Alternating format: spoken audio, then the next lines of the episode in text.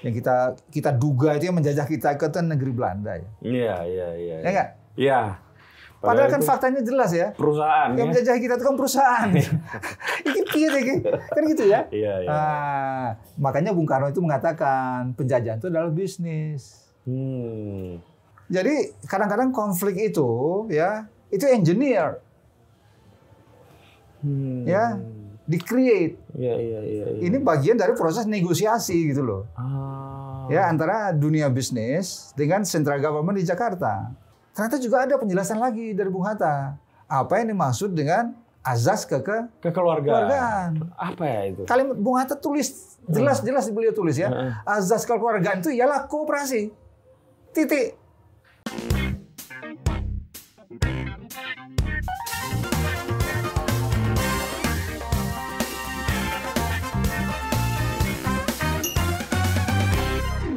Halo teman-teman, ketemu lagi dengan saya Putu TA Kepala Suku Mojo dan saatnya kita belajar banyak ini. Karena ini kita mau ngobrol dengan seorang begawan ekonomi kerakyatan.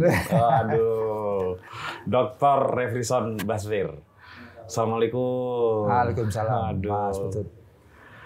Ini kelihatannya udah agak-agak sibuk ya. Mas Sony ya, panggilannya beliau biasa Ya, dipanggil Mas Sony. Kalau dibilang gak sibuk, justru lebih sibuk sekarang. Lebih sibuk Ya. sekarang. Ngajar lagi. Bukan, saya ketitipan cucu. Oh, ya, iya. sejak pertengahan 2022 Oh, karena belajar di, di Belanda luar, ya? di Belanda. Di Belanda. Oh, iya, iya. Jadi saya belum pernah sesibuk sekarang malah. Iya. Oke, ya. oke, oke. Karena apa, apa ngomong cucu itu nggak pakai jam kayak kelas ya, satu jam, dua jam ya. Iya. Itu full day. Oh. Tapi menyenangkan lah ya. Iya itu satu pengalaman ya, Ya, yang menurut saya memperkaya. Ya. Ini cucu pertama ya? Cucu kedua. Cucu kedua. Cucu Iya. pertama ikut bapaknya di Praha, ya kan? Oh, Cucu iya. iya. kedua putri kebetulan, ya ditaruh di Jogja dan kebetulan nempel banget sama kakeknya. Kayaknya. Ya, Biasanya begitu memang. Cucu cucu laki-laki, cucu perempuan ya, ya, sama ya, kakeknya ya. Ya. Wah, saya belum, saya nggak pernah membayangkan bahwa saya akan sesibuk sekarang. Gitu ya. Kalau bicara soal sibuk dan tidak sibuk ya.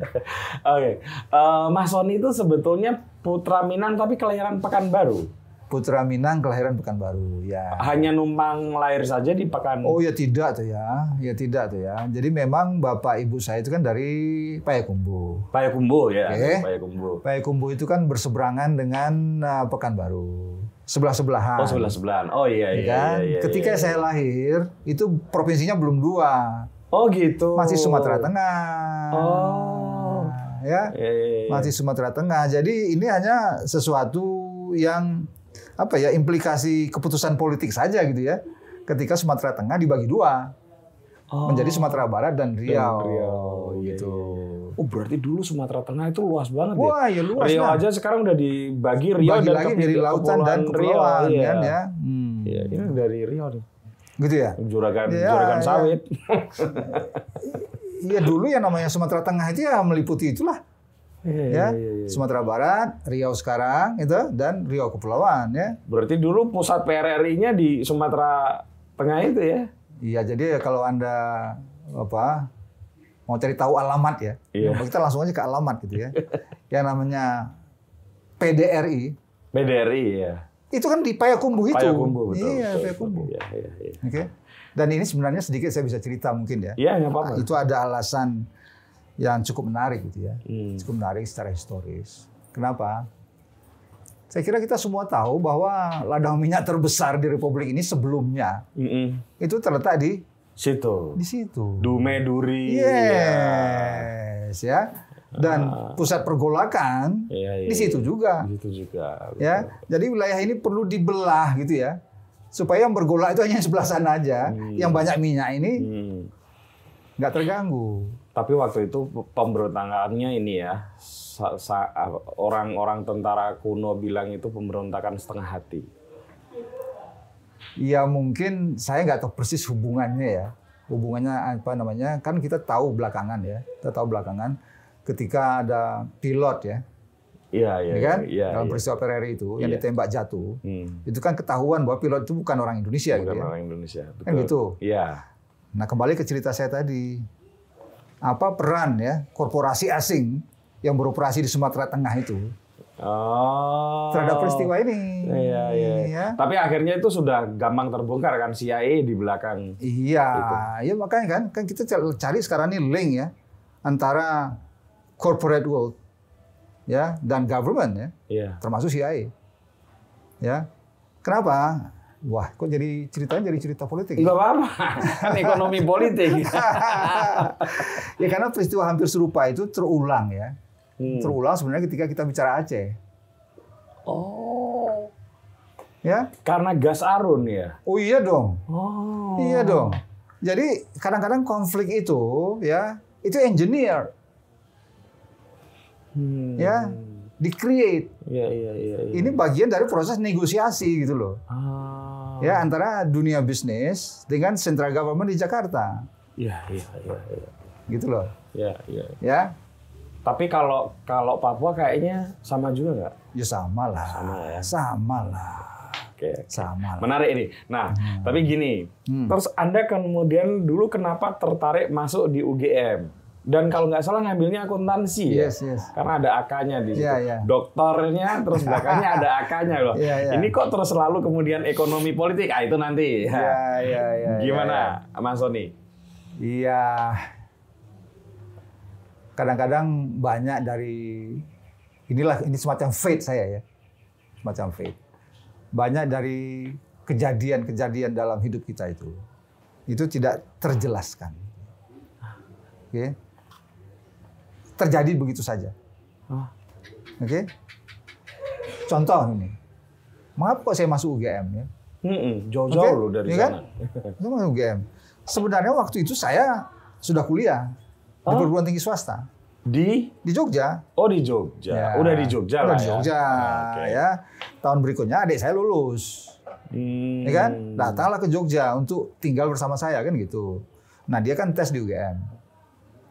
Lalu tiba-tiba aja saya punya ide ya, kenapa saya nggak coba juga tes di UGM gitu ya? Oh dulu nggak sempat Nggak tes sempat di UGM? tes. Oh, Saya karena bilang- dipikirnya mungkin ada universitas yang Nggak, lebih nggak, bagus nggak, dari UGM. nggak. Ya jadi karena nggak sempat tes ya. Oh. Ya, Karena waktu itu masih dari Riau sana ke Jakarta tuh kayaknya masih jauh banget gitu ya.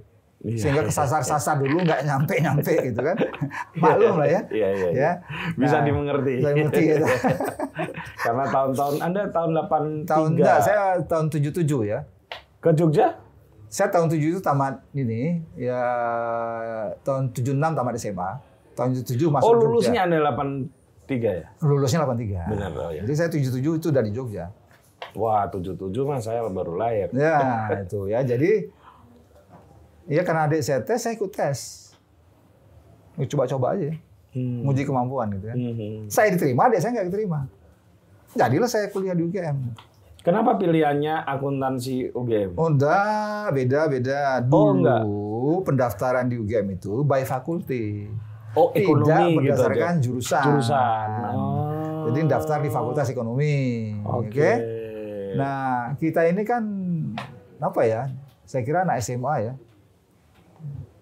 Mana tahu persis lah ya. Fakultas Ekonomi itu apa hubungannya dengan akuntansi, dengan manajemen itu kan sudah terlalu dalam ya. Iya, iya, iya. Kita kira pokoknya ekonomi itu ekonomi lah gitu ya. Hmm. Nah, dan kebetulan sistemnya seperti itu sehingga saya masuk, saya diterima dan kita baru ngambil jurusan itu di tahun kedua atau tahun ketiga. Hmm. Ya, baru mulai kita penjurusan. Iya, iya. Ya, jadi tidak serta merta masuk gitu. Hmm, hmm, hmm. Nah, saya ketika masuk itu eh, saya kan kuliah pakai beasiswa ya. Pakai beasiswa. Lalu ketika saya masuk, saya ragu-ragu nih. Ya, mau ngambil jurusan yang mana gitu. Hmm. ya akuntansi tapi kecenderungannya ya dari tahun pertama tahun kedua itu saya kecenderungannya ke ilmu ekonomi Iya. karena banyak mata kuliah ilmu ekonomi sudah saya ambil Ah, oke Oke. cuma ada peristiwa aneh terjadi gitu Apa di itu? tahun kedua itu saya kok kuliah juga di akuntansi tapi setiap ujian saya nggak muncul teman-teman pada bingung ke mana orang ini ya ya jadi saya ngambil mata kuliahnya itu ilmu ekonomi Iya, Oke, iya, tapi iya. ikut kuliah akuntansi di tahun kedua ya. Tahun kedua ya. Ya kan ketika ujian nggak muncul. Ke mana orang ini kan gitu ya. Hmm. Orang kan nggak ngerti aja gitu. Ternyata. Karena saya ada tambatan hati saya itu di jurusan akuntansi. Jadi saya ikut kuliah gitu ya. Biar duduk bareng terus. Iya, ya. Dan itu menemani saya sampai sekarang, teman sekelas gitu ya. Gitu. Oh, jadi gitu. jadi jadi setelah itu, setelah dua tahun Sampai segitunya ya Oh, demi iya tambatan dong, hati ya. Iya. Ini kuliah dulu aja gitu kan. Nah, ini ini perlu dicontoh nih. Tapi kalau sekarang rasanya susah. Ya kan? Jadi kuliah aja dulu ya kan. Nah, masalah ujian itu nanti lah gitu ya. Hmm. Nah, tapi kemudian setelah saya pikir-pikir, ah wes terus lah nih akuntansi. Akhirnya saya itu ya di akhir kuliah saya di fakultas saya tuh kelebihan mata kuliah. Hmm. Sudah terlalu banyak ngambil mata kuliah ilmu ekonomi tadi. Hmm. Padahal butuh SKS-nya kan 164. Iya. Saya mungkin ambilnya itu mungkin sudah 170 gitu ya. Oh. Ah, sehingga saya harus drop banyak. Iya, beberapa iya. mata kuliah ya. Iya, nah, iya. itulah kejadiannya. Ya. Nah, waktu Anda kuliah ke luar ke Amerika ya, Nah, itu sudah mulai tertarik dengan yang disebut ekonomi Pancasila atau ekonomi kerakyatan. Saya mulai tertarik itu ketika saya jadi mahasiswa Pak Mubi. Pak Mubiarto. Ini maksudnya Profesor Mubiarto. Mubiarto Ya. ya. Jadi ya itu kan tahun Pak Mubi itu mulai muncul itu ya tahun 82. Oh ya, Oke. 82 83 itu ya. 83. Nah, saya itu kan baru lulus 83. Iya. Oke. Jadi pas pada saat beliau muncul itu, saya sedang kuliah dengan beliau gitu. Hmm. ya 82 itu. Oke. Di situlah saya melihat, uh hebat juga gitu ya. Ada pemikiran seperti ini. Hmm. Oke. Nggak tahu itu mak grek nyambung aja. Ya, sehingga saya punya pengalaman unik ya, mungkin menarik juga ya. Pak Mubi itu kalau kuliah itu kasih tugas pada tiap-tiap itu ya, semester, mid semester dan final. Ya. Ngasih tugas bikin paper, Hmm. paper besar ya. Jadi saya saking tertariknya ya dengan ide-ide yang Pak Mubi itu, saya bilang ke teman grup saya, wes, Vera sambil lu aku wes garap, tak garap dewe. Jadi paper dua itu, Saking saking memang tertariknya tertarik ya. Oke. Paper dua itu saya bikin sendiri, ya dengan menggunakan semua kapasitas saya gitu ya. Nah setelah kuliah lagi itu, Pak Mubi mengumumkan paper terbaik terpilih paper saya waktu mid semester. Hmm. Anda maju, silakan presentasi. Oh. Nah, pada akhir ya se- semester sebelum ujian sama lagi kan bikin paper lagi. Terbaik lagi. Terbaik lagi. Suruh maju lagi presentasi lagi. Wah. Jadi kan ini sudah mulai bingung nih ya. Anak akuntansi kok paper ekonominya? Lebih ke ekonomi pembangunan ya waktu Iya. itu ya. Ya, Pak Mubi kan mengajarnya ekonomi Indonesia. Iya, iya. Ya, kok bisa jago gini gitu kan? Nah, itu. Nah, kemudian saya daftar dosen di jurusan akuntansi. Begitu masuk datang ke fakultas mesti ketemu Pak Mubi dah. Hmm. Oh, kok melu jadi dosen tuh gitu kan? Iya. Mau nggak jadi asisten saya gitu? Ah, Nah, di jadi saya tuh langsung krek ya. Bukan hanya tertarik dalam artian lihat jauh gitu ya. Hmm. Nah, Nah, Mas Sony, saya tuh agak penasaran ya. Hmm. Tokoh seperti Profesor Mubiarto ini, mm-mm. itu sebenarnya muncul dari mana? Karena kalau secara genealogis keilmuan, ya, eh, tolong dikoreksi kalau saya Ya. keliru, itu kan pasca tumbangnya PKI, kemudian eh, presiden waktu itu Soeharto diberi kewenangan dan kemudian menjadi presiden, ya. ya.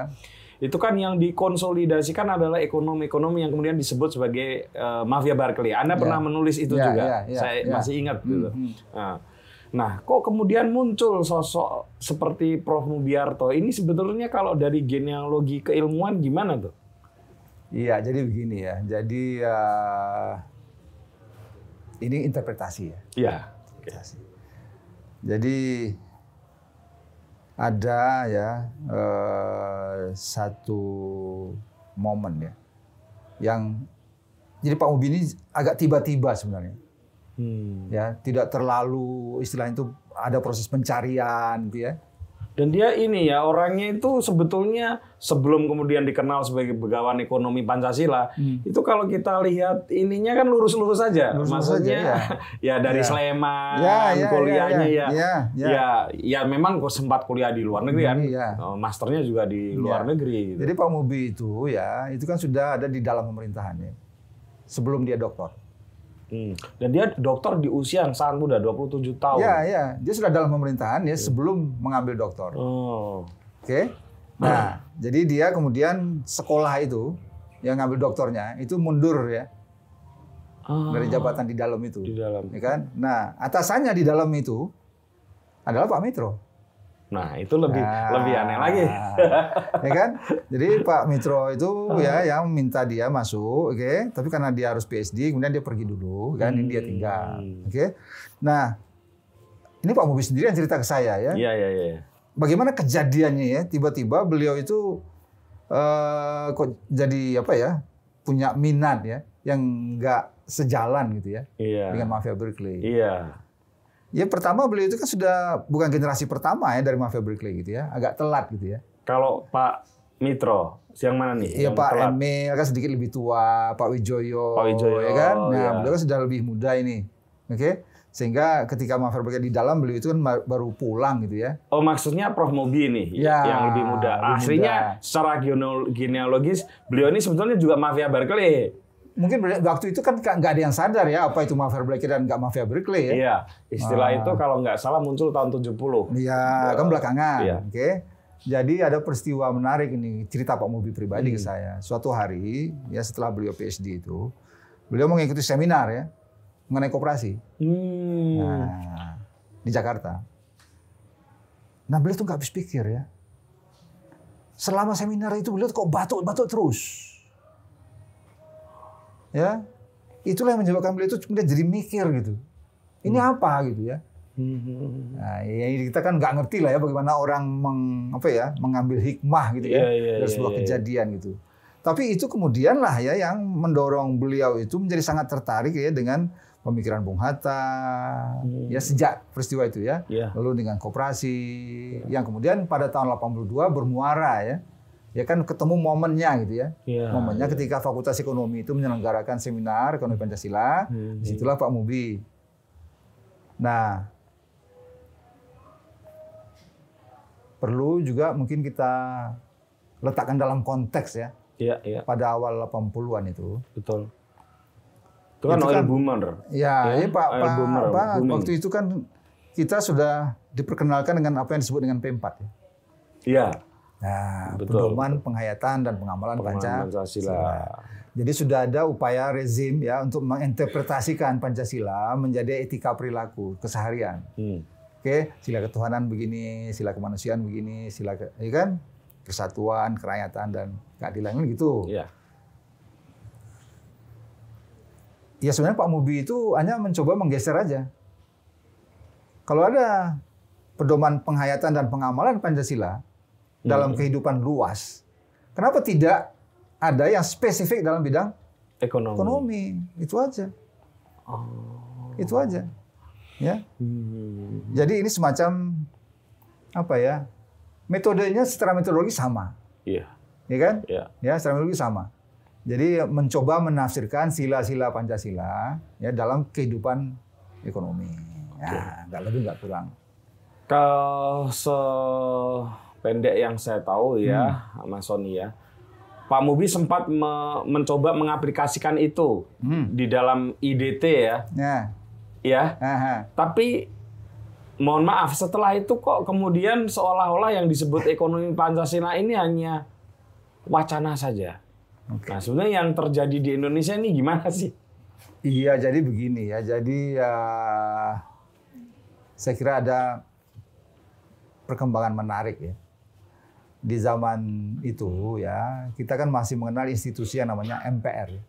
Oke. Majelis Permusyawaratan Rakyat. Rakyat. Yang anggotanya itu tidak semuanya dipilih langsung ya, atau tidak Iya, melalui iya, partai iya. politik ya. Hmm, Ada, ada yang utusan. utusan ya, Golongan. golongan. Nah, termasuklah Pak Mubi ini pernah jadi anggota MPR. Hmm. Oke.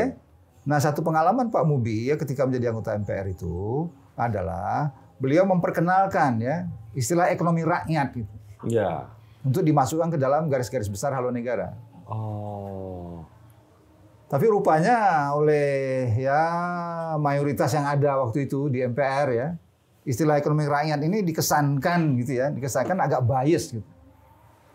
Bukankah yang kaya-kaya itu juga rakyat? Konglomerat juga rakyat gitu ya. Oh. Wah, jadi janganlah ya, jangan gunakan istilah ekonomi rakyat lah. Yang masih nggak begitu enak di kuping gitu. Nah, muncullah kompromi gitu ya, semacam eufemisme Hmm. muncullah kata-kata kerakyatan.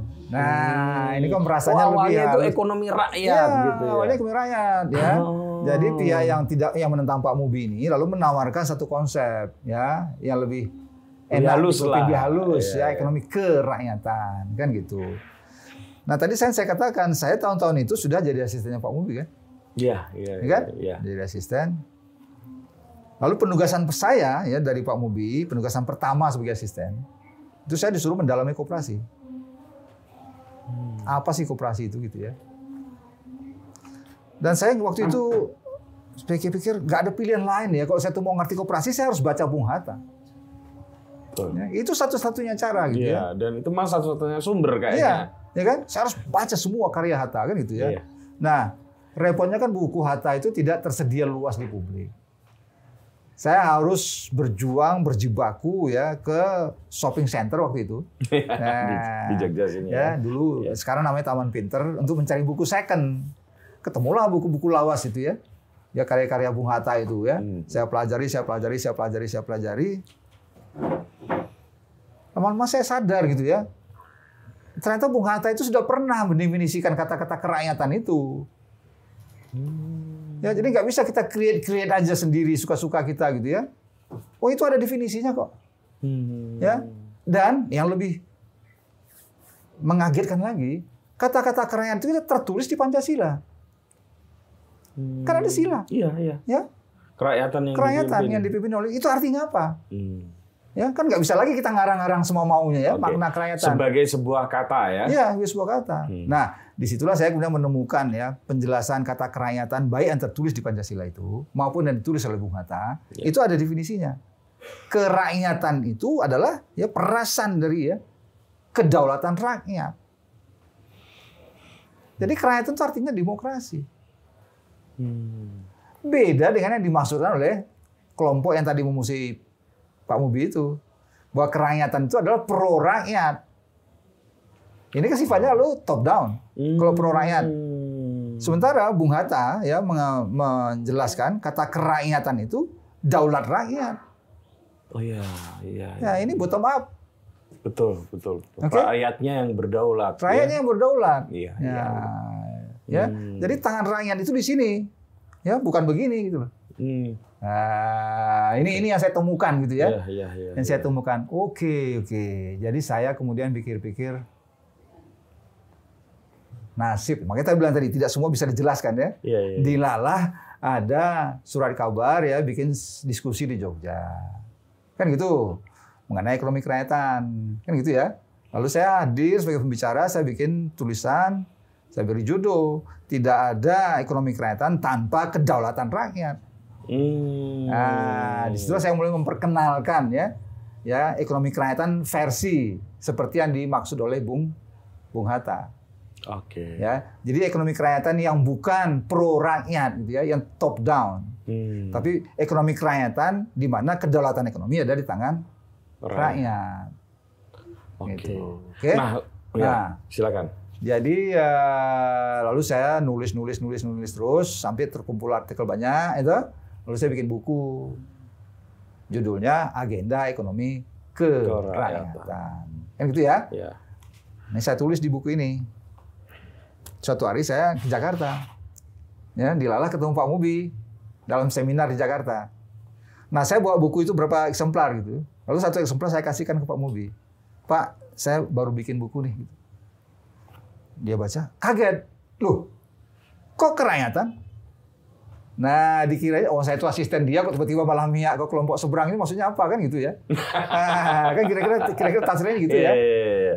Oh bentar dulu Pak. Enggak, saya nggak nyebrang Pak, gitu ya. Hmm. Saya menemukan makna sendiri ya mengenai kerakyatan dari Bung Hatta. Hmm. Nah itu konsisten dengan sila ya keempat panca sila gitu. Jadi yang saya maksud dengan ekonomi kerakyatan itu adalah ekonomi di mana di mana kedaulatan ekonomi ada di tangan rakyat. Oke. Ya dan itu langsung ya langsung ada dasarnya ke sila keempat pancasila gitu. Oke. Oke. Oh, oke juga ya, benar benar benar benar benar. Tapi Om Bobi bilang begini. Iya, kalau begitu ekonomi kerakyatan ekonomi Pancasila juga. Cuma belum lengkap katanya, karena baru mengacu ke satu sila aja. Satu sila aja. Nah, ya tapi whatever lah ya. Iya, iya, ya. iya. Nah, jadi kira-kira itu kejadiannya Iya, iya. gitu ya.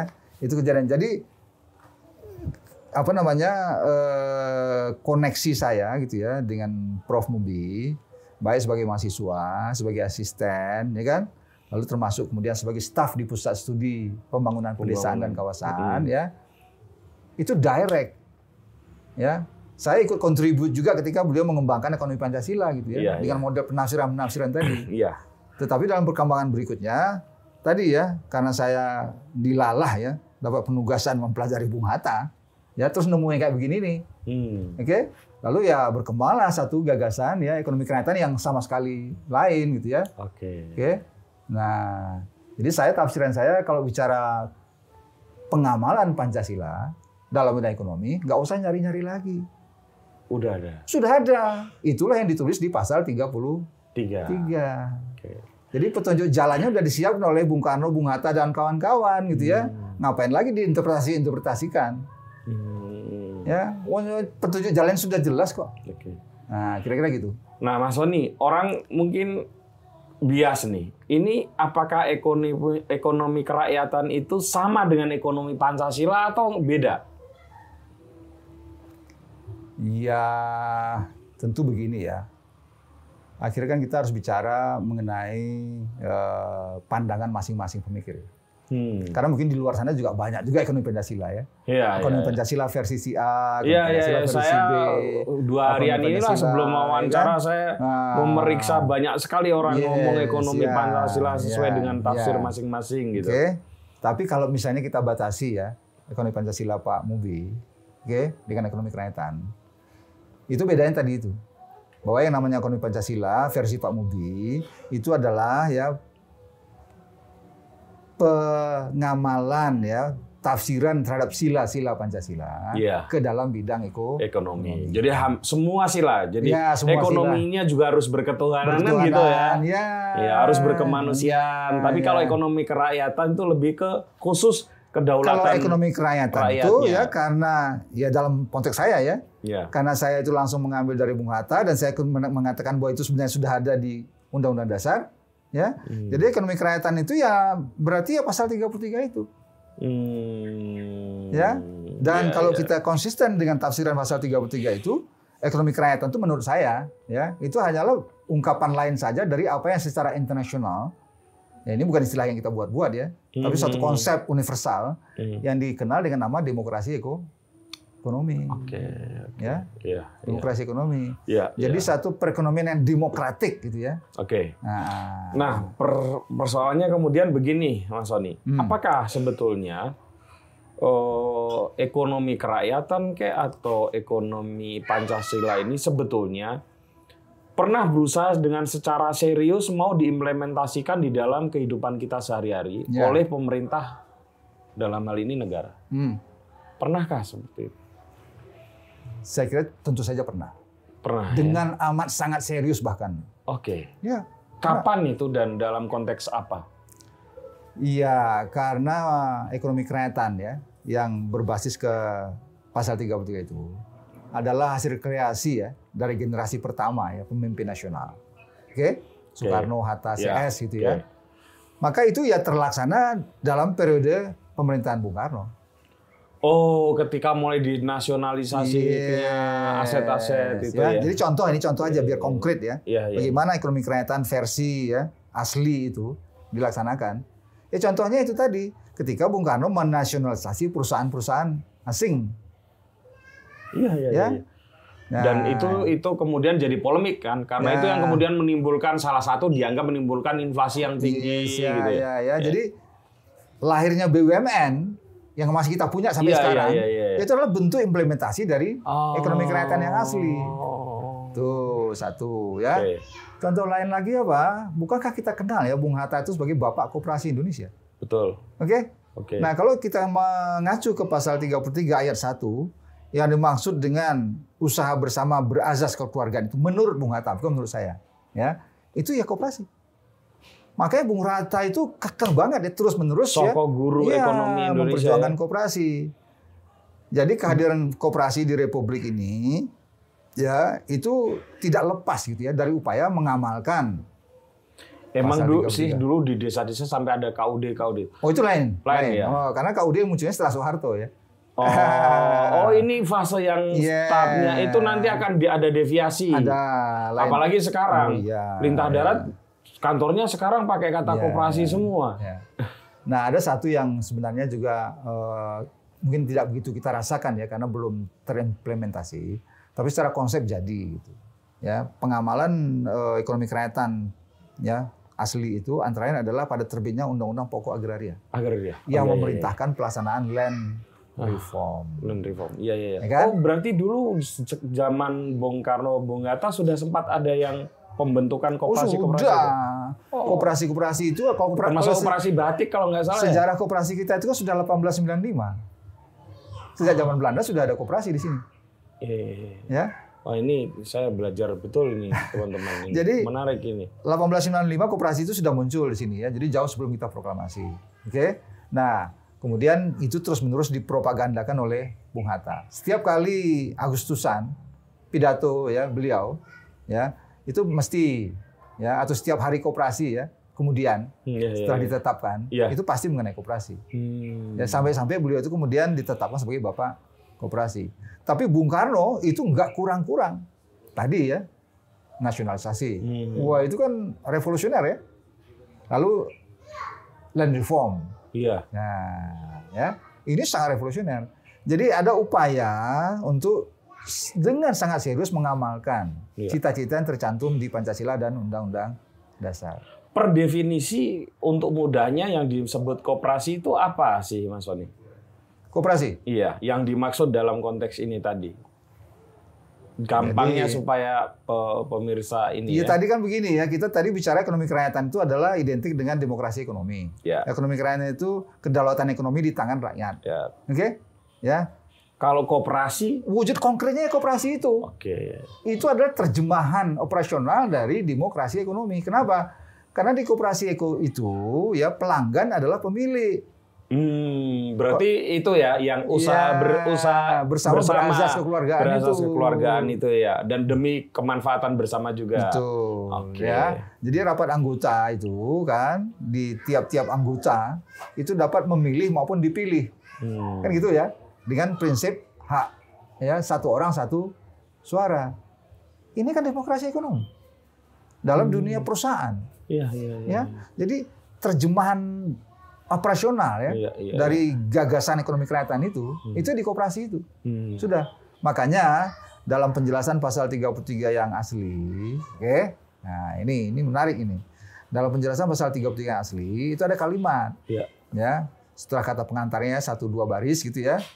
Maka lalu kalimatnya masuk begini. Sebab itu perekonomian disusun sebagai usaha bersama berdasar atas azas kekeluargaan. keluarga. Kan gitu. Betul. Bunyinya sama persis dengan pasal 33 ayat 1. Iya. Tapi kalimat berikutnya apa? Kalimat berikutnya bangun perusahaan yang sesuai dengan itu ialah kooperasi. Oh. Nah, Oke oke. Kalau itu oke ya. Tapi apa sih yang dimaksud dengan asas kekeluargaan ini yang kemudian di era Orde Baru kemudian kekeluargaan Nah, dipelintir, iya kan? Ya Mas Sony gimana tuh? Iya, jadi begini. Saya kan lagi-lagi begini ya. Saya ini kan nggak mau eh, berpikir itu kalau nggak punya reference ya. Iya. Ya nggak? Oke. Saya harus mencoba sekeras mungkin ya. Jadi Hmm. saya saya nggak bisa taken for granted. Wah ini kayaknya nggak ada penjelasannya. Ini harus kita jelas-jelaskan aja sendiri gitu ya. Wah itu nggak main lah ya. Ya nggak main. Oke. Ya. kita harus berjuang dulu semaksimal mungkin. Iya. Ya, kenapa? Karena bangsa ini kan mengalami peristiwa-peristiwa yang dramatis. Betul. Ya, banyak reference-reference yang hilang. Hmm. Oke, tapi kalau digali ya, siapa tahu ketemu. Oke, jadi ya kembali ke persoalan tadi ya. Ketika kemudian kita misalnya tadi satu satu kata kerakyatan, kan gitu ya, ternyata ada. Oke, Betul. nah ternyata juga ada penjelasan lagi dari Bung Hatta. Apa yang dimaksud dengan azas ke ke Kekeluargaan. keluargaan? Apa ya itu? Kalimat Bung Hatta tulis jelas-jelas beliau tulis ya. Heeh. Azas kekeluargaan itu ialah kooperasi. Titik. Oh. Nah, Berat- cuma di bawahnya ada elaborasi sedikit. Apa ya? Ya. Gimana? Azas keluarga itu adalah konsep yang berasal dari Taman Siswa. Yang menggambarkan hubungan antara ya guru dan murid-murid yang belajar dan tinggal padanya. Hmm, asah ase aso. Nah, Tut- jadi ini cerita mengenai orang gitu ngangsuk gitu ya. waruh, Iya, gitu iya, ya. iya, iya, Nah. iya, iya. Jadi nggak ada ceritanya ya kalau kita bicara azas keluarga itu hubungan suami istri, bapak anak, paman ponakan. No no no no no. Iya, iya, iya, Ya, iya, iya. Ini adalah hubungan ya antara orang yang berpengetahuan ya dengan orang yang menuntut ilmu. Oke, karena belakangan di Orde Baru kemudian itulah yang menciptakan KKN, asasnya kekeluargaan. inilah, inilah. Ini kan ini yang saya pikir ya. Tapi kan itu memang terbukti kemudian. Iya, iya, Oke, iya. terbukti kemudian. Ada upaya sistematis untuk mendiskreditkan pasal 33. Hmm. Ya kan? Kenapa? Karena tadi itu kalau kita bicara historisnya tadi, pasal 33 itulah yang menyebabkan nasionalisasi. Ini kan Hmm. nggak sesuai dengan pen- kepentingan pihak kolonial ya. Betul. Nah, pasal 33 itu juga yang kemudian misalnya saja menimbulkan ide reforma agraria gitu ya. Iya. Ini kan lagi-lagi juga bertentangan ya dengan Betul. ekspansi kapitalisme. Iya, iya. Makanya kemudian ya itu tadi terjadi upaya mendiskreditkan pasal 33. Yang muaranya tahun 2002 penjelasan itu kan hilang dalam amandemen keempat Betul. ya. Hmm. Nah, sekarang nggak ada lagi yang namanya penjelasan pasal 33. Hmm. Kata-kata koperasi sudah tidak tertulis lagi hitam di atas putih ya di dalam dokumen Undang-Undang Dasar. Nah, ya. Jadi mungkin mungkin kesannya uh canggih banget amat gitu ya. Oh. Tapi ya begitulah cara kerja ya. Hmm. Ya. Cara kerja namanya pertarungan paradigmatik ya. Iya, iya. ya dicoba sekali dua kali Iya. tiga kali nggak Hmm. bisa jalan depan jalan samping ya nggak bisa jalan samping jalan belakang kan gitu ya Hmm. makanya dia ini saling kait mengkait gitu ya dengan munculnya rezim militer munculnya mafia Berkeley Iya. ya kan munculnya undang-undang koperasi 1267 Iya, sampai iya. kemudian ya krisis moneter lalu amandemen keempat Hmm.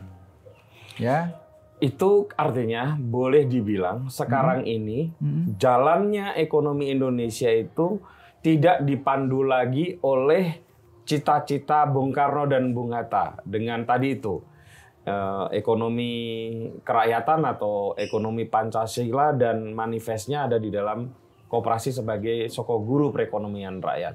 Iya, jadi saya kira eh, apa? Kalau ini bicara sekarang ya, Iya. bicara sekarang ya. Bicara sekarang ini kalau kita lihat istilahnya itu tampilan formal ya, Hmm. ya kan?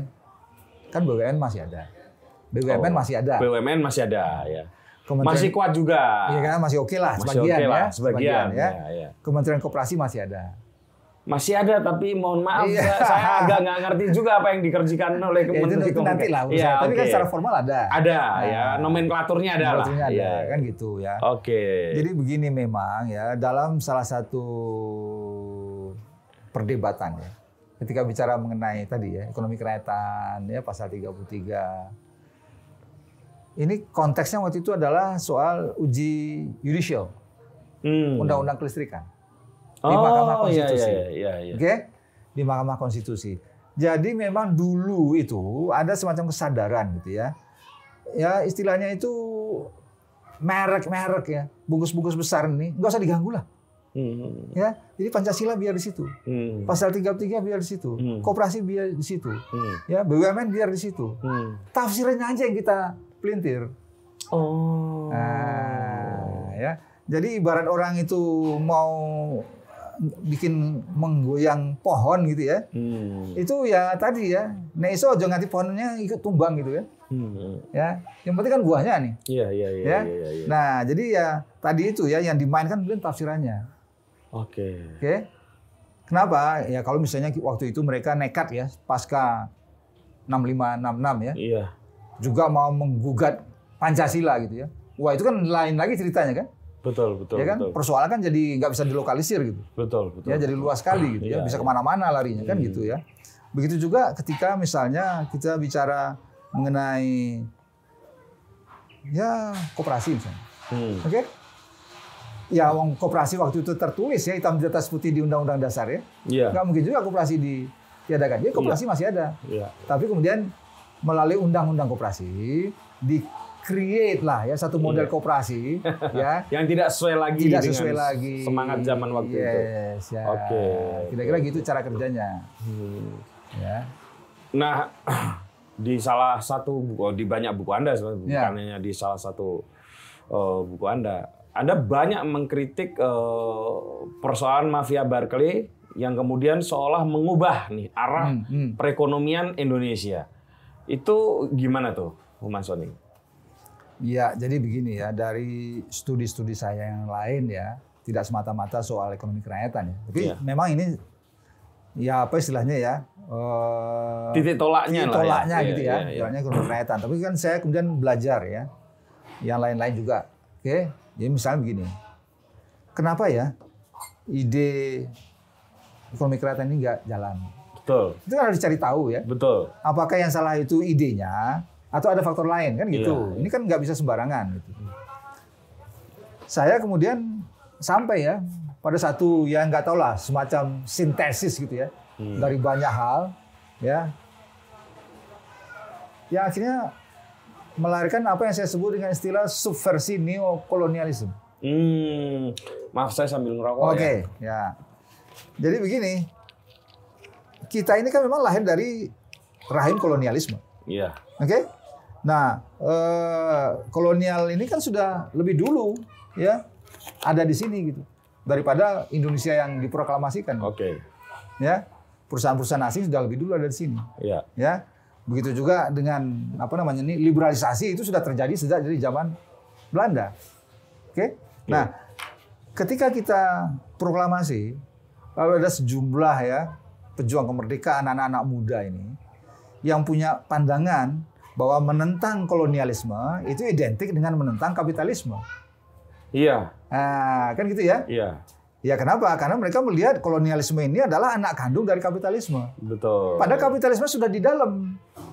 di dalam kolonialisme itu. Iya, dalam kolonialisme kan gitu Makanya ya. itu tesis Anda kan eh, kapitalisme di Indonesia adalah sesuatu import. impor. Nah, ya kan? Nah, ya. Jadi oleh karena itu ya perlawanan terhadap gagasan ya yang tercantum di pasal 33 itu ya itu tidak semata-mata sesuatu yang sifatnya domestik Hmm, tapi itu sifatnya internasional. internasional. Karena Iya, iya, kenapa? iya. Yang punya kepentingan di dalam Republik Indonesia ini, dalam ekonomi Indonesia ini, Hmm. itu bukan semata-mata orang domestik, Betul, betul. ya. Dan itu terbukti lah ya. Wah, Dari iya. dulu sampai sekarang ya. sampai sekarang. Dari mulai as- niat orang mau datang menjajah sampai iya. kemudian menanamkan Betul. perusahaan-perusahaannya sampai Betul. sekarang yang terjadi begitu. Jadi ada yang menarik ya, kan banyak kita itu nggak sadar ya, ketika kita bicara kolonialisme, Hmm. saya terjajah. Yang kita kita duga itu yang menjajah kita itu kan negeri Belanda ya, Iya, iya, iya. ya nggak? Iya. Padahal kan itu faktanya jelas ya, perusahaan yang ya. menjajah kita itu kan perusahaan. Ini piye iki? kan gitu ya. Iya, iya. Ah, makanya Bung Karno itu mengatakan penjajahan itu adalah bisnis. Hmm. Ya, penjajahan itu bisnis. Jadi oleh karena itu makanya peristiwa-peristiwa yang terjadi kemudian ya termasuk peristiwa 65 dan seterusnya itu nggak lepas dari ya business interest. Oke. Ya, Oke. ya. Saya itu yang saya urutkan di dalam apa yang saya sebut sebagai subversi neokolonialisme. Hmm. Oke. Termasuk ketika misalnya bicara mengenai peristiwa 65. Iya. Oke. Ada interpretasi ya versi ilmu politik, versi pertahanan atau versi ideologis Iya, gitu ya. iya, iya. saya punya interpretasi sendiri, ya interpretasi ekonomi politik. Iya, iya. Peristiwa 65 itu adalah rekayasa korporasi-korporasi asing untuk menghabisi rezim Betul. Soekarno. Rezim Soekarno dan para pemikir dan para pendukungnya. Iya. Makanya jangan heran gitu ya. Salah satu undang-undang yang terbit ya Iya. di iya. tahun-tahun itu, Tahun-tahun itu. undang-undang nomor satu justru. Ya. Dan Undang-undang gini, Mas Soni, Nah. di setiap krisis ki- Hmm. kita Hmm. tahun 65, tahun 98 itu selalu muncul undang-undang peliberalan. Hmm, hmm. 98 kan gitu. Yes, yes. Iya kan? Iya. Ada 60 undang-undang lebih ya. Iya. Ya. Ya. Dan itu terjadi di saat krisis. Iya. gitu. Iya. Sama kayak 65 kan. Ya, ya. Jadi krisis itu seolah-olah ya, saya Hmm. saya nggak, saya bukan seorang ekonom, tapi kita melihat faktualnya saja, selalu diikuti dengan perubahan undang-undang yang kalau kita mau zoom in itu adalah mau meliberalkan perekonomian kita. Benar nggak sih itu? Ya, jadi kita agak beruntung ya. Karena kan tadi ya, eh, tidak semua penjelasan itu bisa kita dapatkan pada masa tertentu. Tapi kemudian ada penjelasan yang muncul belakangan, belakangan gitu iya. ya. Nah kita generasi sekarang sebenarnya beruntung gitu ya. Hmm. Beruntung karena ada Naomi Klein. Nah. Ya kan? Naomi Klein itu bikin buku judulnya The Shock Doctrine. Hmm. Oke. Wah, itu menarik sekali di buku itu gitu. Jadi Naomi Klein ini ya kira-kira mengatakan beginilah dalam bahasa sederhana ya. Bahwa salah satu cara yang dipakai oleh investigator untuk memaksa seorang pesakitan ya, mengaku Hmm, hmm, hmm. itu adalah dengan melakukan shock. Bukan persoalan dia benar atau tidak melakukan kejahatan atau pelanggaran ya. Iya, iya, Tapi iya. shock itu Di sendiri. shock-kan dulu, ya. Digoncangkan dulu. Digoncangkan, ya. Kenapa? Karena dalam situasi shock ya, itu tuh orang itu kehilangan orientasi, Betul. Mengalami disorientasi. Betul, betul. Nah, situasi ketika orang kehilangan disorientasi itu, itu adalah situasi yang sangat empuk untuk digeser ya orientasinya Iya. ke satu tujuan yang lain gitu loh. Iya, nah, jadi saya kira ya eh, baik peristiwa 65, peristiwa 98 itu adalah bentuk-bentuk shock. Saya itu menyadarinya belakangan Ya. bahwa Mas Sony. Nah. Kan saya juga aktivis 98 nih. Ya, Kan 98 ini para mahasiswa ini lebih fokus dan konsentrasi mengawal supaya undang perubahan undang-undang politiknya, Ya, ya. supaya pergantian rezimnya begitu kan, itu berlangsung dengan baik. ya. Hmm, hmm. Itu itu habis di jalanan. Sementara di parlemen yang terjadi beda. Ya, yang ya. terjadi adalah perubahan undang-undang yang semua sudah di luar kontrol Ya. dan kemampuan kapasitas intelektual seorang mahasiswa gitu atau banyak mahasiswa Iya, Indonesia. jadi gini ya. Saya itu pernah menulis artikel ya, kolom ya. Iya iya iya. Itu kan reformasi itu ya. Atau Iya. peristiwa 98. Iya, iya. Itu kan terjadi 98 ya. Iya. Persis tahun 2000 itu kan persis 12 tahun. Ta- tahun 2000 2010 ya. 10, ya. Persis 12 tahun. Persis 10, ya kan 12 tahun ya. Nah, waktu itu saya tulis artikel gitu. Judulnya apa? Reformasi terjajah. Jadi menurut hasil perenungan saya, sebenarnya start from the beginning ya. Yang namanya reformasi itu. Hmm. Itulah agenda dari pihak yang sama, Neoliberalisme. neoliberal. Saya setuju. Oke. Setelah refleksi belakangan ya. Jadi agak apa ya? Ternyata memang dalam diskurs ya, dalam diskurs di dunia internasional secara akademik itu diskurs mengenai anti korupsi itu pada umumnya bagian yang tidak terpisahkan gitu ya dari upaya untuk menggiring ke arah neoliberalisme. ini ini ini Ya. statement yang sangat berani tapi saya setuju. Ya, iya, Iya iya Ya. iya iya. bukan apa-apa ya sederhana menjelaskannya. Gitu Iya ya. iya iya. iya. Kita kalau bicara anti korupsi, mesti yang dibicarakan itu adalah negara. Negara. kan aparatur negara iya, kan gitu ya ya lalu dengan macam-macam korupsi ya lalu dianggap negara gagal itu ya jadi konsep di negara yang berbaik hati itu kan nggak jalan jalan. oleh karena itu sebaiknya serahkan saja ke sektor swasta ya jadi hampir selalu solusi dari upaya pemberantasan korupsi itu adalah privatisasi ketemulah dia dengan pelaksanaan agenda-agenda neoliberal Betul. ya. Betul. Jadi oh gitu ya. Jadi saya pikir begini ya. Ya saya nggak mau menyalahkan ya. Iya. Tapi ya kan terlampau canggih ya. Kalau mahasiswa waktu tahun 90 atau Iya. kita-kita lah ya. Iya. Ya kita, Anda dan semuanya itu mikirnya udah sejauh itu ya. Bahwa kita itu di Plokoto gitu kan. Betul. Nah, Betul. jadi memang betul rezim Soeharto jatuh, oke. Tapi sebelum Pak Harto jatuh, dia sudah siapkan letter of intent. Ya, ada 12 LOI yang ditandatangani Pak Harto sebelum Hmm. lengser, Iya, iya. ya, dengan foto yang sangat dramatik itu ya. Iya. Nah, Yang begini gitu ya. yes, itu. Kamdesu ya. Kamdesu ya. Jadi kira-kira penjelasannya seperti itu, oke. Jadi oleh karena itu makanya jangan heran ya, salah satu kesibukan saya Hmm. pasca 98 ya. Itulah jadi ahli di MK. Kan tadi banyak sekali undang-undang terbit ya. Iya, iya, iya. Undang-undang kelistrikan, undang-undang migas, undang-undang macam-macam ya. Lalu muncullah mulai timbul resistensi kan. Hmm. Lalu dibawa ke MK, Hmm. diuji. Hmm. Dan bolak-balik saya diminta jadi ahli gitu ya. Hmm. Ya, Iya, iya. iya. Nah, saya kan juga belajar banyak ya dari apa namanya keterlibatan langsung ini ya. Iya, iya. Ya, keterlibatan langsung. Saya dengan bekal ekonomi kerakyatan tadi ya gampang lah ya, Hmm. ya untuk mencari celah di mana lemahnya undang-undang neolib ini kan gitu. Iya. Tapi saya confidence. ya. Saya confidence. Bolak-balik saya jadi ahli di MK itu hampir selalu menang. Oke. Bagaimana saya apa yang mau saya katakan lagi gitu ya? Jadi ketika saya misalnya menyerang satu undang-undang ya, bahkan termasuk undang-undang koperasi ya, ini sudah tahun 2012 ya, Iya, undang-undang iya. koperasi 17 2012 dibawa ke MK, lalu saya kaji gitu ya dengan menggunakan pendekatan tadi ya, ekonomi kerakyatan pasal 33 itu. Bisa dibuktikan bahwa undang-undang itu ternyata melanggar konstitusi, batal demi hukum. Jadi ya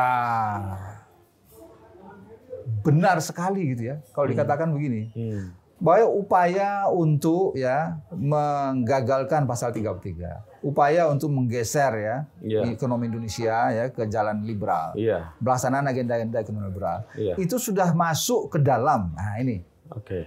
ya bukan lagi hanya soal mafia Berkeley ya bukan lagi hanya soal shock ya Iya. ya tapi sudah masuk ke dalam proses legal Hmm. ya sudah masuk dalam proses legal Iya. maka mungkin mungkin sekarang ini kita sudah berada pada situasi ya yang mungkin bisa disebut begini ya legalisasi neokolonialisme Oke. ya jadi satu bentuk penjajahan modern Iya. ya yang berbasis ya produk-produk perundang-undangan Oke. Tapi perlawanan menuju ke sana itu ada nggak, Mas Sony? Hmm. Atau gini, gini deh gampangnya. hmm. Ketika Presiden Jokowi mulai mengampanyekan soal eh, hilirisasi, Hmm. iya, Hmm. saya kira kan itu menarik gitu, Hmm, ya. hmm, hmm. Eh, dan apalagi beliau bilang jangan pernah takut dengan pihak yang menakut-nakuti kita. Anak itu apakah termasuk juga bagian dari usaha untuk menghadang neoliberalisme ini dalam praktek nyatanya gitu? Atau gimana? Iya, jadi begini ya. Saya ya ini tentu saja apa istilahnya eh, sejauh gitu ya. Atau kalau Iya. anda mungkin lebih suka dengan istilah tadi sependek gitu ya, whatever lah ya. Nah jadi kan begini. Ini kan nggak bisa didekati secara hitam putih. gitu ya. Oke.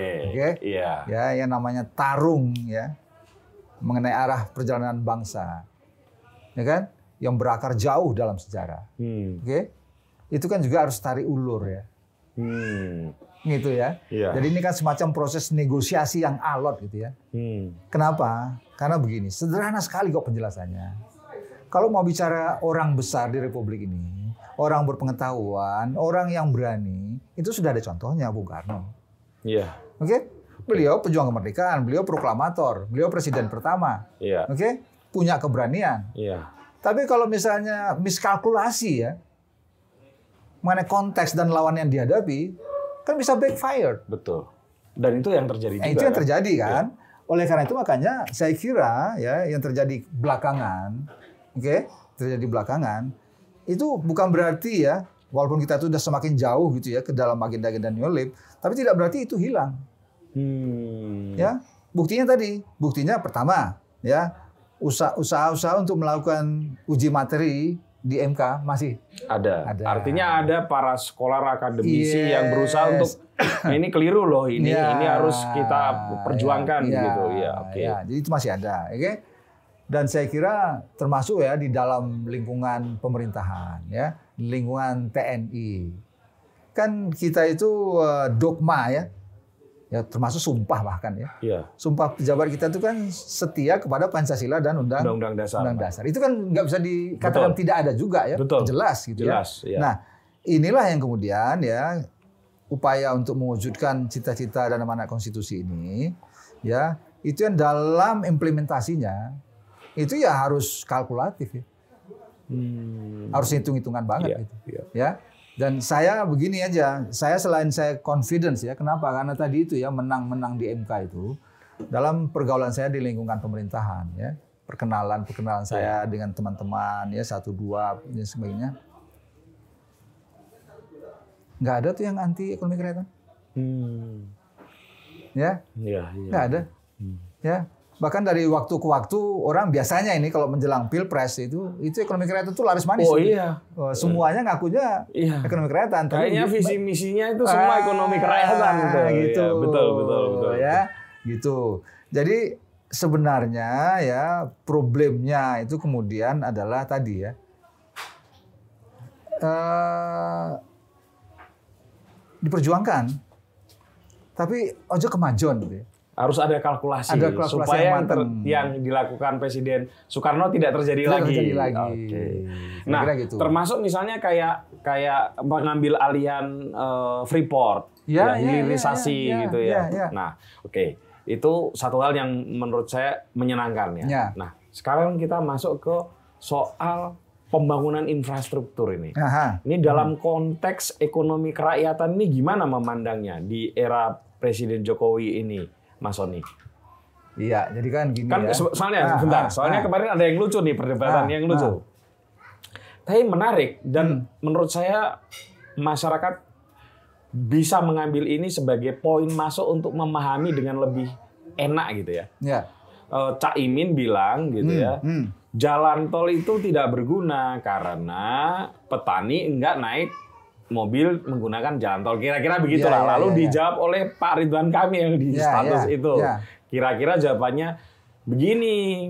Dengan jalan tol, maka bahan-bahan makanan bisa terdistribusikan dengan lebih efisien. Kalau lebih efisien, maka harganya pasti lebih murah. Kalau bapak-bapak nanti pulang apa itu mudik ya, jalanan juga bisa digunakan lebih efisien, nggak lagi memakan biaya yang mahal. Begitulah kira-kira iya, penjelasannya. iya, iya. Itu itu sebagai pintu masuk untuk mempermudah memahami ini. Nah, gimana itu? Iya, jadi begini ya. eh, ekonomi kerakyatan itu bukan semata-mata soal meningkatnya kesejahteraan rakyat. Wah. Ekonomi kerakyatan itu bukan semata-mata soal berkurangnya jumlah penduduk miskin. Hmm. Ya. Jadi ekonomi kerakyatan itu tidak bicara soal kemakmuran material, ansih. Oke? Ekonomi kerakyatan itu seperti tadi kita bicarakan, itu soal daular rakyat dalam bidang eko Ekonomi. ekonomi gitu loh Iya, ya. iya, iya. Jadi apa pun itu, apakah bangun jalan tol, kebijakan A, kebijakan B, ya persoalannya bukan persoalan manfaat dan tidak manfaat ya. Yang ini debatable. Oke, oke. Kan gitu ya. Hmm. Iya. Bukan soal harga mahal atau harga murah ya. Oh. ya. Tapi persoalan adalah sampai seberapa jauh rakyat ya memiliki kemampuan untuk mengontrol jalannya perkembangan. Hmm, hmm. Ya. Kalau seperti itu Mas Soni, mohon maaf, Indonesia itu termasuk sebetulnya manifesto ekonomi kerakyatan. Kenapa? Karena oh, Nah, data iya, yang saya iya. baca saya, kan saya, saya bisa duga sembilan iya. Ya, sembilan puluh tujuh persen kan Yes. apa Iya. oh, pekerja karyawan Iya, itu iya, iya. diserap oleh Yes, UMKM iya, di mana iya, UMKM iya. itu pasti inisiatif dari Nah, iya, masyarakat betul, gimana betul. gimana tuh Nah, Oke, tapi gitu. itu lain cerita. Lain cerita, ya? cerita ya. Itu nanti bisa kelirumologi kita ya. Nah, itu yang mau saya tanya tuh. Jadi memang benar ya, memang benar. Sampai hari ini mayoritas pekerja kita itu masih bekerja di sektor informal. Betul. Ya kan? Masih Betul. sekitar 60-an, 5 persenan gitu ya, Iya. sektor informal. Kalau kita bicara ukuran usaha memang benar ya, bahwa pekerja kita yang bekerja di usaha mikro itu masih hampir 90 persen. Yes. Iya. Oke. Tapi ini ada satu penjelasan versi lain yang perlu kita sadari ya. Nah ini ada kaitannya dengan tadi itu dengan corak kapitalisme Indonesia yang diimpor itu. Hmm. Oke. Jadi sebenarnya ekonomi Indonesia itu sampai hari ini itu masih ya bercorak dualistik Oh. ya. Kapitalisme diimpor tapi itu hanya mewarnai sektor modern saja. Hmm. Ekonomi rakyat banyak yang sektor informal, yang mikro tadi itu sebenarnya masih keberlanjutan ya. Ya. Dari ekonomi prakapitalis. Oh ya, gimana penjelasannya itu, Mas? Ya, jadi begini ya. Kalau kita bicara misalnya ya dalam konteks kapitalisme ya, itu kan kita bicara sesuatu yang sudah formal ya, industri ya. Ya, ketika Marx waktu itu bicara kapitalisme kan konteksnya industri. Hmm. Sudah ada hubungan majikan dan buruh. Hmm, ya Kan oke. gitu ya? Ya, Ya. Tapi kategori itu kan nggak relevan di sini gitu ya. betul. Ya. Kalau rakyatnya itu kerja itu serabutan gitu ya, mayoritas ya. Iya. Ya kan? Kan kalau di Kan bukan buruh. Lah, bukan buruh, ya kan? Iya. Dan itu mayoritas. Hmm. Ya. Nah, inilah ya ekonomi yang mungkin cenderung subsisten itu ya. Iya. Ya, petani tapi tanahnya sempit. Iya. Ya, dikerjakan mungkin sama anggota keluarga. Subsisten lah ya. Subsisten, ya kan? Hanya untuk bisa untuk hid- bisa menyambung survive hidup aja, lah ya. hidup. Hmm. Kan gitu ya. Jadi eh, kalau latar belakangnya seperti itu, ya, latar belakang seperti itu, maka pertanyaannya begini ya. Seberapa besar gitu ya kemampuan sektor informal, UMKM Hmm. yang menampung mayoritas rakyat itu ya bisa mengendalikan jalannya perekonomian Indonesia ke depan. Hmm. Di sini kita lihat kemudian kontribusinya ya terhadap pembentukan produk domestik bruto. Oh, Nah, iya iya iya. Oke, sektor usaha besar jumlah unitnya sedikit, Hmm. menyerap jumlah tenaga sedikit, Iya. tapi kontribusi PDB-nya PDB-nya besar Iya. sekali. Iya iya iya Ya. iya. iya. Jadi di sinilah kemudian isu mengenai kesenjangan itu lalu menjadi relevan. Hmm, Ya. Gini rasionya ya. Gini rasio ada yang lebih serem dari itu, tingkat konsentrasi kekayaan. Oh iya. ya. Jadi memang benar ya 60% informal. Memang benar ya hampir 90% mikro. Hmm. Oke. Usaha besar mungkin ya satu persen gitu ya. Hmm. Ya. Tetapi ya PDB-nya besar sekali. Oke. Artinya apa? Perjalanan bangsa ini kemudian tidak berada di bawah kendali rakyat. Tapi dikendalikan oleh para penguasa kekayaan. Oke. Oke, dan dari statistiknya itu mengatakan begini bahwa satu persen orang terkaya di Republik ya itu menguasai 45 persen kekayaan nasional, Hmm. ya kan? 10 persen orang terkaya Republik menguasai 70 persen kekayaan nasional, Hmm. ya. Jadi yang mengendalikan jalannya perekonomian Indonesia itu siapa? Hmm. Kan gitu, Iya, iya, ya. iya. Dan Bung Karno, Bung Hatta dan kawan-kawan mengatakan ya kalau kita belajar dari negara-negara kapitalis, ya itu keberadaan parlemen nggak cukup. Oh. Kita nggak bisa mengandalkan ya keberadaan parlemen ya untuk kemudian bisa membela atau meningkatkan kepentingan rakyat. Nggak bisa. Kenapa? Karena proses politik itu sendiri kan mahal. Betul. Oke? Betul. Butuh Iya, dana. itu dana. Ya. Hmm. Nah, kalau kekayaan itu terkonsentrasi di atas, oke? Lalu proses politik ini, kenduri politik ini dibiayai oleh mereka yang punya uang. Iya. Hah? Atau biasa disebut sekarang ini oligarka ya. Ya, oligarkar ya. Jadi yang terjadi dalam pemilu ini mohon maaf ya, Hmm. kok tiba-tiba saya kayak kayak sok jago ilmu politik gitu ya. Eh, Ya kan ekonomi kerakyatan itu ekonomi politik juga ya. Iya. Ya. Jadi yang terjadi dalam pesta atau kenduri demokrasi itu sebenarnya rakyat itu memilih atau dimobilisasi. Ya. Ini ini pertanyaan besar ya. Iya, iya. Seberapa besar sebenarnya ya tingkat kesadaran rakyat gitu ya. Ketika menentukan pilihan-pilihan politiknya. Itu apakah benar-benar didasarkan atas pengetahuan, pertimbangan yang cukup Hmm. ya atau Nggak jelas. Ya, Hmm, hmm, ya. Jadi kan satu persoalan kita sebenarnya ya kalau kita bicara ini kan kita bicara sisi demokrasi politik ya. Ya. Itu tantangan terbesar kita kan adalah soal bagaimana melahirkan pemilih cerdas. Oke? Tetapi kalau menurut teori yang dipahami oleh Bung Karno, Bung Hatta dan kawan-kawan itu nggak cukup. Tetap, however nggak cukup. Karena nggak bisa hanya dengan pemilih cerdas lalu kita menjadi punya parlemen yang lebih memihak kepada rakyat. Iya, Nggak betul. bisa. Kenapa? Karena yang lebih penting itu adalah ya bukan hanya politik ya, termasuk ekonomi pun harus demokratis. Itu loh Hmm, kata kuncinya. Iya, iya. Oke, Nah. nah, ini terakhir Nah. eh, obrolan kita sudah lebih dari satu jam soalnya. Eh, soalnya wah menyenangkan ini belajar ekonomi politik ini. Dan saya kira ini para tim ses, para capres harus nonton nih. Nah, Kalau perlu mengundang beliau khusus untuk memberikan arahan ekonomi politik Indonesia ke depan ini kayak apa? Untuk bisa mulai perlahan digeser kembali ke ekonomi kerakyatan atau lebih besar lagi ekonomi Pancasila. Ya, ya, ya. Gimana tuh Mas Wani? Iya, jadi tadi ya, jadi ya ini sebenarnya bukan hanya persoalan Indonesia, Betul. oke? Bahkan yang tadi satu persen itu itu fenomena seluruh dunia. Fenomena seluruh dunia. Ya.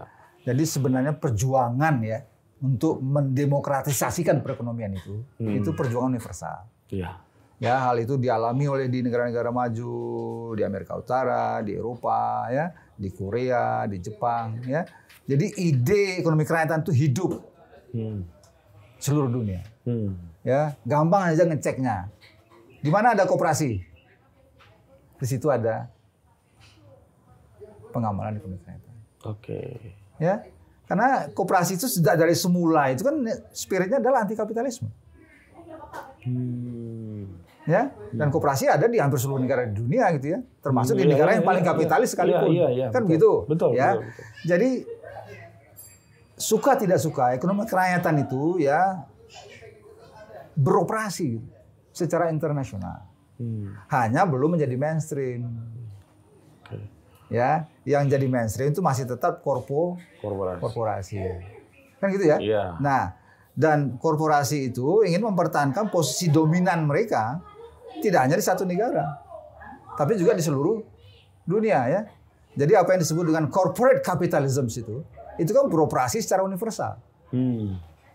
Ya kan? Iya. Kan perusahaan-perusahaan itu kan tidak beroperasi hanya di satu, Satu negara, negara, dua iya, negara, iya. mereka kan bicaranya global ya. Iya, Kita kenal namanya dengan- juga neoliberalisme. Ya, kan? kita kenal dengan istilah multinational, Multinational corporate, corporation, ya. kan gitu ya. Ya. Nah, jadi upaya dominan itu juga bersifat internasional, perlawanan itu juga bersifat internasional. Hmm. Oke. Nah, sebenarnya kalau dilihat dari konteks itu, Indonesia ini beruntung gitu.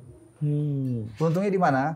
Kita dalam berjuang mewujudkan ekonomi kerakyatan itu punya basis konstitusional yang Oh. mungkin tidak dipunyai oleh bangsa-bangsa Oke, lain di dunia. Iya, iya, iya, iya, iya. Ya? iya, iya. Ini ini salah satu keberuntungan kita. Iya, Ya, iya. kita punya dasar konstitusional dan itu sudah kita buktikan. Ada undang-undang migas dibawa ke MK batal. Ada undang-undang kelistrikan dibawa ke MK batal. Ada undang-undang sumber daya air dibawa ke MK batal. Hmm. Ya, ini kita sebenarnya punya ke- kelebihan gitu ya. Hmm. Nah, tapi kan memang persoalannya nggak berakhir sampai di situ. Oke. Yang diperlukan kemudian adalah ya dengan berkaca kepada konteks domestik, internasional ya dan situasi eh, kesadaran rakyat dan sebagainya ya. Hmm. Saya kira kan kalau kita bicara ke depan yang diperlukan itu adalah semacam peta jalan Peta jalan, betul. Ya. Karena orang bingung, ini semua capres ngomongin ekonomi kerakyatan, rakyat Hmm. harus berdaya Ya, ekonomi ya. secara ekonomi, tapi tidak menunjukkan jalannya menuju ke sana itu Yes. gimana sih? Ya, jadi inilah yang sebenarnya diperlukan. Oleh karena itu makanya saya beruntung ya, saya sempat berdialog atau di, di- bukan bukan berdialog ya, dilibatkan dalam dialog gitu ya oleh Bappenas ketika membahas eh, apa ini rencana pembangunan jangka panjang Oh, nasional ya iya, iya. 2025 ya kan sampai 2045. 45. Nah, kan Oh, gitu. Anda ikut dilibatkan? Ya dilibatkan. Oke. Ya. Ya, syukur Nah, ya kan? Beruntung saya bilang oh, luar biasa Iya, juga iya, gitu ya. Iya, iya, iya. Dan pertanyaan mereka sama saya itu sangat spesifik. Hmm. Pak, bagaimana caranya atau bisakah gitu ya ekonomi kerakyatan atau dalam garis miring demokrasi ekonomi tadi Iya. ya bisa dimasukkan ke dalam rencana pembangunan jangka panjang nasional Hmm. ya bisa nggak katanya loh saya bilang jawabannya bukan pertanyaannya bukan gitu keliru Hmm. ini bukan soal bisa nggak bisa saya bilang harus Oh. karena ini kan amanat konstitusi, Amanat konstitusi, ya. betul. Amanat konstitusi kita harus mewujudkan demokrasi ekonomi. Oleh karena itu kalau kita bikin rencana pembangunan mestinya ya dijiwai oleh ya, Iya karena ya itu amanat spirit amanat. Nah, Harus dijalankan. Harus dijalankan. Iya. Satu sampai dua kali ya. Hmm. Satu kali satu Zoom, satu kali lagi ada tim dari Bappenas datang ya, langsung ketemu saya di Jogja. Untuk paham gitu ya, gimana sih gitu ya. Iya. Nah, tapi kan gini ya, saya nggak tahu persis ya. Bagaimana sih keputusan-keputusan itu diambil ya? Oke. Oke? Oke. Ya, karena tadi itu lagi, saya saya sih mencoba berprasangka baik. Gitu. Iya, iya. Oke, berprasangka baik. Dalam artian begini, kira-kira kalau misalnya ya terlalu vulgar gitu ya, untuk mengekspresikan ya semangat mewujudkan demokrasi ekonomi itu, mungkin ada ya sementara orang yang takut, kira-kira investor lari nggak ya? Oke. Nah, Dan itu selalu selalu yang dipakai untuk menakut-nakuti. Betul. Kan gitu ya. Iya, iya. Nah, jadi eh, saya senang ya bahwa diskurs mengenai itu muncul. Setidaknya itu muncul Yes. saja udah Sudah oke lah oke ya. lah ya. Hmm. Ya, jadi saya terus terang saya bicara sama mereka. Sebenarnya saya ini agak bingung ya, saya bilang ya serba salah gitu ya. Mas sebenarnya masih ada harapan gak sih ya gitu kan gitu Iya. ya. Tapi saya senang lah ya bahwa diskurs ini muncul dibicarakan secara formal ya oleh lembaga yang berwenang kan gitu. Tetapi bagaimana itu dibahasakan ya atau dipeta jalankan gitu ya. Itu kan ya nggak tahu juga saya variabel apa lagi yang mereka pertimbangkan kan gitu ya. Apakah misalnya saja mereka eksplisit gitu ya bicara mengenai koperasi, bicara mengenai BUMN, bicara mengenai reforma agraria gitu ya. Nah, ini ini saya kan tadi ya eh tadi mencoba berprasangka baik lah gitu ya. Ya. Ya, mudah-mudahan gitu ya. Mudah-mudahan, Nah, ya. jadi jadi intinya kalau menurut saya itu eh, perlu lebih banyak lagi gitu ya upaya untuk menyuarakan ya, memainstreaming ya Iya. gagasan ekonomi kerakyatan itu dan juga supaya apa? Supaya para pengambil keputusan ini dulu confidence juga Oke. ya bahwa masa depan ekonomi Indonesia itu tidak selamanya harus bergantung kepada belas kasihan investor. Tapi juga ya ya ditentukan oleh sejauh mana rakyat mendukung. Ya, Ya. Ya, Kalau rakyat itu punya rasa memiliki terhadap dalam tanda petik yang disebut dengan pembangunan, Iya. Ya iya, kan? Iya. itu kan juga lebih bisa diandalkan untuk sustainability Betul. Betul. Setuju. daripada ya kita melaksanakan pembangunan bergantung pada investor yang tiap-tiap waktu mereka bisa mengambil keputusan ya yang merugikan kita. Oh, ini situasi sudah nggak aman, tarik yuk. Hmm. Langsung dolar ya menguat, rupiah Iya. melemah. Ya, nah lalu kita terjerambab ke dalam krisis. Hmm. Kan gitu.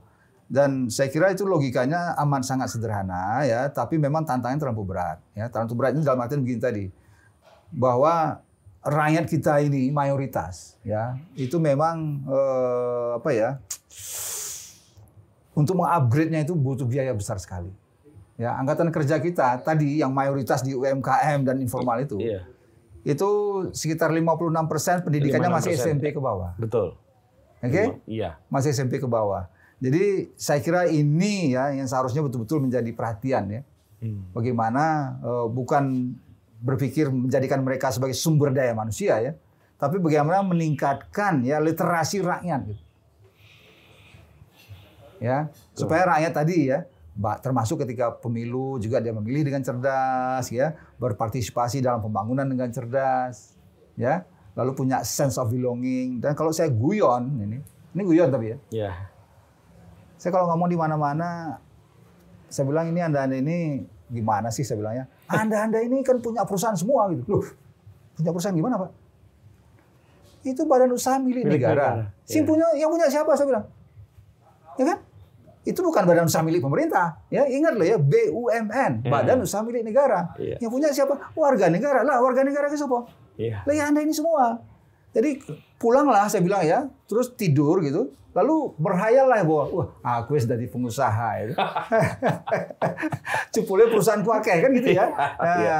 Nah. Walaupun akhir-akhir ini sudah mulai banyak isu BUMN itu sebetul- sebetulnya udahlah dibubarin aja. Nah, Gitu ya. inilah inilah jadi masalah ya. Iya kan dengar Ya, juga iya kan, dengar, Bro, kan? ya. Ya, mulai jadi kan- banyak tuh kampanye itu. Iya kan, Kalau jadi- diurus negara itu nggak efektif. Ya, ya itulah bagian dari tadi ya propaganda ya. Ya. Anti apa istilahnya?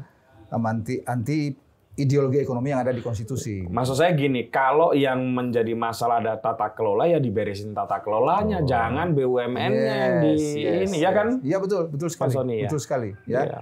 Karena kadang-kadang nggak beres tata kelolanya perusahaannya yang di ini BUMN udah nggak efektif, nggak efisien, udahlah kasih ke swasta Ya, aja ya, ya, semua. ya, ya, ya, ya, Gitu. ya. Saya kira gitu. Gitu ya. Nah, Mas Sony matur nuwun sangat ya. Terima kasih banyak. Eh, sorry, maaf. Teman-teman, Mas Sony ini menulis sudah setidaknya kalau setahu saya itu sekitar 15 buku. Anda masih bisa membeli banyak buku beliau untuk lebih mengetahui lagi atau memperdalam lagi pengetahuan tentang eh, ekonomi kerakyatan. Banyak sekali bukunya. Eh, saya kebetulan punya lima, barusan saya beli tiga lagi. nah ini salah satu salah satu buku terbaru yang cukup enak dibaca, Manifesto Ekonomi Kerakyatan ada di marketplace. Silakan anda bisa bisa beli. Eh, sekali lagi tokoh seperti Mas Sony ini, eh, saya mohon maaf ya, ilmunya masih sangat dibutuhkan oleh anak-anak muda Indonesia. Jadi mungkin lain kali Mas Sony kita butuh ngobrol lagi lebih lebih dalam Iya, lagi iya, ya iya, iya. supaya tadi itu terjadi mainstreaming terhadap eh, apa itu paradigma ekonomi kerakyatan. Ya. Terima kasih Mas Sony. Oke, makasih Mas Putut. Sehat Ya. selalu yang penting juga dan selamat sibuk ngomong cucu. Cucu. Begitu teman-teman, sampai ketemu lagi dengan tamu kami selanjutnya.